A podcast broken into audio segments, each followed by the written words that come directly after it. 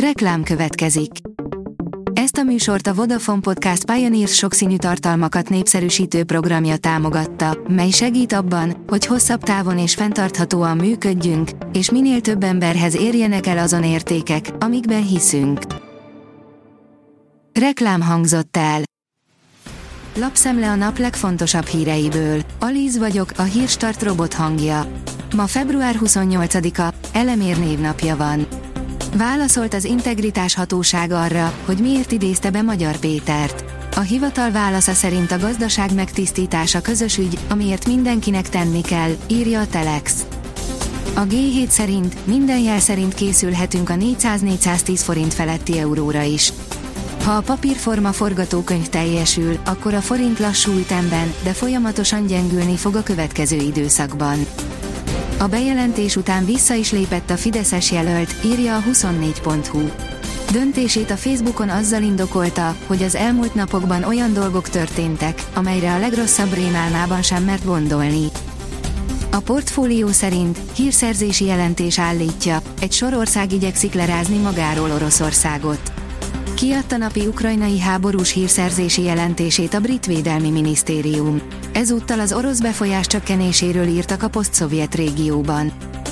A Forbes szerint hiába támogatta meg milliárdokkal a kormány, nem tud fizetést adni a gyár.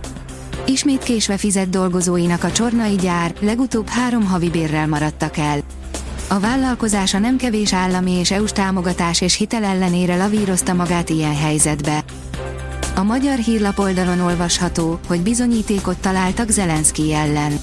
Jelenleg az Egyesült Államokban és Európában a legmagasabb szinten folyik a vita arról, hogy milyen politikát alkalmazzanak a kievi hatóságokkal szemben.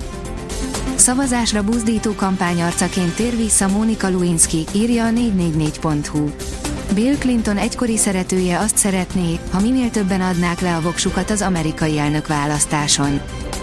Az RTL.hu oldalon olvasható, hogy 5 hetes kiképzés után azonnal a lezredesi rangot kapott Novák Katalin férje. Novák Katalin köztársasági elnök férje 2022. novemberében szerződött önkéntes tartalékos katonának. A kiképzéséről szóló videót felesége töltötte fel államfői Facebook oldalára. Szabó Sándor rendvédelmi szakértő szerint az alig két perces videó megmutatja Veres István nehéz és rögös útját az alezredessé válásig. Meghalt az utolsó szovjet kormányfő. Elhunyt Nikolaj Riskov, aki a Szovjetunió minisztertanácsának elnöke volt 1985 és 1991 között közölte szerdán Valentina Matvienko, az orosz parlamenti felsőház elnöke, írja a privát bankár. A pénzcentrum szerint hiába tesznek le súlyos pénzeket a magyar betegek. Ebben már a magánellátás sem jobb, mint az STK.